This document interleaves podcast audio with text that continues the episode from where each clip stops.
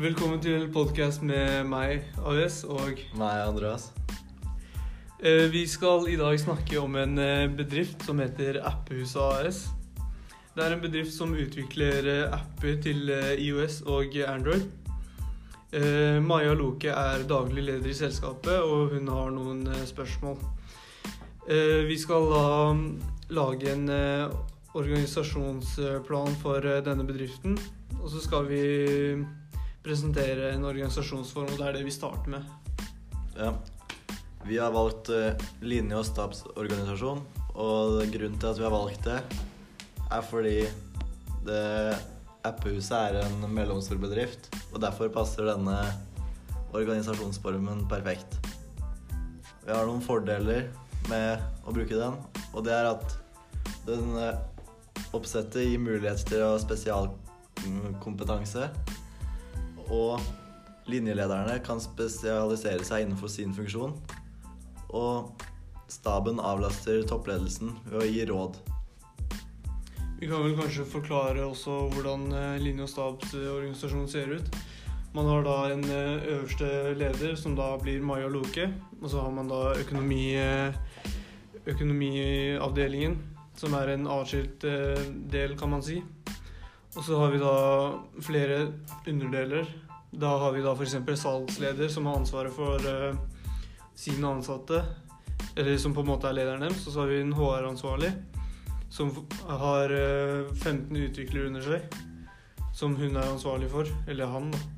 Og så har vi markeds, Uh, Kjørere. markedsførere, ja, som da, da har man også en leder der. Det gjør at eh, alle ansatte på en måte har en leder å forholde seg til. Yep. Så har vi også noen ulemper med den eh, formen. Og det er at det kan oppstå konflikter mellom linje og stab. Og stabsfunksjonene kan få mye makt. Men stabsfunksjonene har også ingen myndighet. Ja, Så har vi Da skal vi gå videre på mm, hvordan Maja Loke kan eh, forbedre endringsberedskapen til apphuset gjennom kompetanseutvikling. Ja. Og kompetanse, det er evnen til å løse oppgaver. Og det vil si at man er i stand til å løse oppgaver ved hjelp av ferdigheter og kunnskap du allerede har. Og jeg mener at eh, Maja må kartlegge hvordan kompetansen er i gruppa med ansatte. Og finne ut av hvem som er gode, og hvem som trenger mer utvikling. Og metoder for å kunne utvikle kompetansen er å ha kurs, utdanne og så utvikle allerede ansatte. Ja. Og så skal vi se Da skal vi komme med noen tiltak som lederen kan gjøre, altså meg og Loke kan gjøre, for å forbedre arbeidsmiljøet og bedriftskulturen i appehuset. Eh, Vi har flere punkter, og eh, det ene vil jo være da å Hvis man skal ha et godt arbeidsmiljø, så må man ha trivsel. Og trivsel er knyttet til motivasjonsfaktoren som, som en sikker arbeidsplass, rom for variasjon, gode lønnsvilkår og andre goder. Rom for eh, arbeidsfellesskap, plass for personlig vekst og ansvar, åpner for selvbestemmelse, det fysiske arbeidsmiljøet og støy på arbeidsplassen. Akkurat i appehusets tilfelle vil ikke det være et eh, nevnverdig problem, med tanke på at de jobber på PC, og de fleste tilfeller av, et støy er et helseproblem. Er på en måte de mer fysiske eh, jobbene, som f.eks. snekker, rørlegger, anleggsarbeider, ja, fabrikkarbeider osv. Det er også en del av et godt arbeidsmiljø er å, at det ikke skal være for stor belastning. Og med det må lederen sørge for at de ansatte får det de trenger av pulter, stoler og andre kontorrekvisita som kan gjøre hverdagen enklere og unngå belastningsskader ved å sitte feil f.eks. Og så er det det psykososiale arbeidsmiljøet. Det er jo stress som er et stort helseproblem i arbeidslivet. I apphuset så vil det være mye stress med tanke på at de skal utvikle apper til gitte utgivelsesdatoer. Noe som daglig leder kan gjøre med for å minke stressen, er å gi dem litt mer tid og støtte dem i det de gjør. Med å ikke gå Men eh, og det må ikke gå på bekostning av eh, at eh, det blir slapt, og at det ikke jobber effektivt. Da. Så er det Det må ikke være mobbing, og det er mange som blir mobba på arbeidsplassene sine i Norge. Og da er det ikke nødvendigvis at de blir erta og sånn, men det er mer at de blir føles til at de blir satt til side og ikke hørt og lyttet til. Og så er det mangel på åpenhet, og det er også et problem. For det er viktig åpenhet i arbeidslivet, og det skaper trygghet og gjør det lettere å kommunisere hvis det er noe som ikke funker sånn som det skal. Yes, Og så skal vi da snakke om det er noe HMS-tiltak som bedriften bør ha på plass, da, som Maja Loke bør uh, få satt på plass. Uh, ja, du kan Uh, HMS-arbeid er at man har planer og rutiner som gjør at problemer avdekkes og blir gjort noe med før det blir så stort problem at det kan bli farlig og gå utover sikkerheten. I apphuset så burde de velge en som blir HMS-ansvarlig i bedriften. Som sammen med andre fra bedriften kan sette opp planer og rutiner som gjør at det blir sikkert og trygt å jobbe der. Ja, og Eksempler på det kan være som å f.eks. ha brannslanger og osv. tilgjengelig og ha riktige nødutganger osv. Yes, da var det del én. Ok.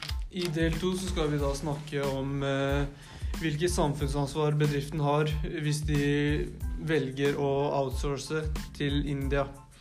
Og så skal vi da snakke om hvilke hensyn hun bør da ta om hun skal ta Nei, altså hvilke hensyn må Maya ta da, hvis hun skal eh, Hvis hun bestemmer seg for å flytte til India eller ikke. Først og fremst så må en outsourcing ikke forveksles med at man eh, flytter hele bedriften til utlandet. En outsourcing går ut på at man flytter deler av produksjonen til en underleverandør. Og normalt så flytter ikke en bedrift hovedaktivitetene til utlandet, men gjerne mindre aktiviteter. da. Som regel så er det snakk om aktiviteter som på en måte kan utføres bedre og da billigere av en underleverandør. En underleverandør har også som regel bedre kompetanse til å utføre den jobben som da skal bli gjort. Eh, noen problemer som kan oppstå ved å flytte noen av aktivitetene til India, kan da være at bedriften mister kontroll og styring av underleverandøren. Dermed har de egentlig ikke noe kontroll over arbeidsforholdene hos underleverandørene. Eh, det vil da f.eks. være HMS osv. De vil heller ikke ha kunnskap om produksjonen skjer forsvarlig med tanke på miljø og som sagt arbeidsforhold og sikkerhet. Så dermed må Maja undersøke underleverandørene nøye og sette krav som ikke kan brytes. Disse kravene må inneholde basic-krav som tar for seg regler om f.eks. barnearbeid, om hvordan miljøfarlig avfall skal eh, behandles, og, eh, og selvfølgelig arbeidsforholdene. Man må på en måte ikke ha tolv timer eh, arbeidsdager. Og ja, Maja må også ta hensyn til at eh, tidsforskjellene her i Norge og India er um, forskjellige. Og, og, og, det vil jo naturligvis være en språkbarriere. Og at arbeidsmiljøet i India ikke nødvendigvis er det samme som i Norge. Det er kanskje en annen arbeidskultur i India enn i Norge. Uh, videre så skal vi forklare hvilken betydning en utflytning vil kunne få, da, både fra et samfunnsøkonomisk og bedriftsøkonomisk perspektiv. Og eh, så skal vi for, forklare litt om avvikene som kan eh, oppstå. Eh, først og fremst så vil en bedriftsøkonomisk Eller ja, bedriftsøkonomisk lønnsomhet går da ut på om bedriftens evne til å tjene penger. Og det er ganske enkelt forklart. Dersom en bedrift selger et produkt for mer enn kostnadene ved det, er bedriften etter det bedriftsøkonomiske begrepet lønnsomt. Samfunnsøkonomisk lønnsomhet går ut på at bedriften skyver kostnader ut på samfunnet ved at produksjonen av noe skader miljøet, som da samfunnet må bruke penger på for å rette opp i. Det er også uh, derfor myndighetene har innført miljøavgifter og andre tiltak for å hindre nettopp dette.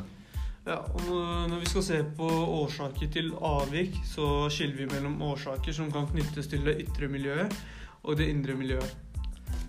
Noen Bedrifter kan forurense sitt ytre miljø med utslipp av miljøfarlige stoffer og kjemikalier. Jord og vann kan dermed bli forurenset, noe som koster samfunnet økonomisk. Transport kan også bidra med luftforurensning. Ja, og ved at uh, f.eks. at uh, vannet blir forurenset, da, det, eller jorda, så vil jo det koste samfunnet eller myndighetene penger for å få det ordna opp i. Og selv om det er regler på hvor mye en bedrift kan eh, utnytte en ansatt f.eks., vet man at, at, ansatte kan bli syke pga. jobben. Og det koster også samfunnet penger dersom bedriften ikke på en måte tar det med i sitt eget regnskap. da. Men en, ut, en utflytting vil virke positivt på den bedriftsøkonomiske siden med tanke på på at det blir jo billigere arbeidskraft, og de vil ikke ha en altfor stor påvirkning på det samfunnsøkonomiske annet enn tap av skatteinntekter og at folk mister arbeidsplasser her i Norge. Og slik eh, liksom arbeid de utfører, det er jo bare på PC-en. Så, så vidt jeg vet, så vil ikke det belaste miljøet på noen spesiell måte. Og transport er jo ikke akkurat et tema, for ja, det sier seg selv. Så hvis vi skal gi noen råd om eh, Maja skal eh, flytte deler av utviklingen eller ikke, så ja, altså rent økonomisk så kan det være lønnsomt for bedriften. Men hvis vi skal se på det store bildet, så må vi tenke på hvilke skader dette vil påføre samfunnet i Norge. Og det vil da f.eks. være at arbeidsplasser vil gå tapt, skatteinntekter til staten eh, reduser, blir redusert. Og ja, og så er det da på den andre siden. På den andre siden så skaper man arbeidsplasser i et u-land dette er mennesker som ikke har samme trygghet som i Norge, og vi vil derfor anbefale Maja om å flytte deler av produksjonen til utlandet. Det var det vi hadde for i dag. Tusen takk. Applaus.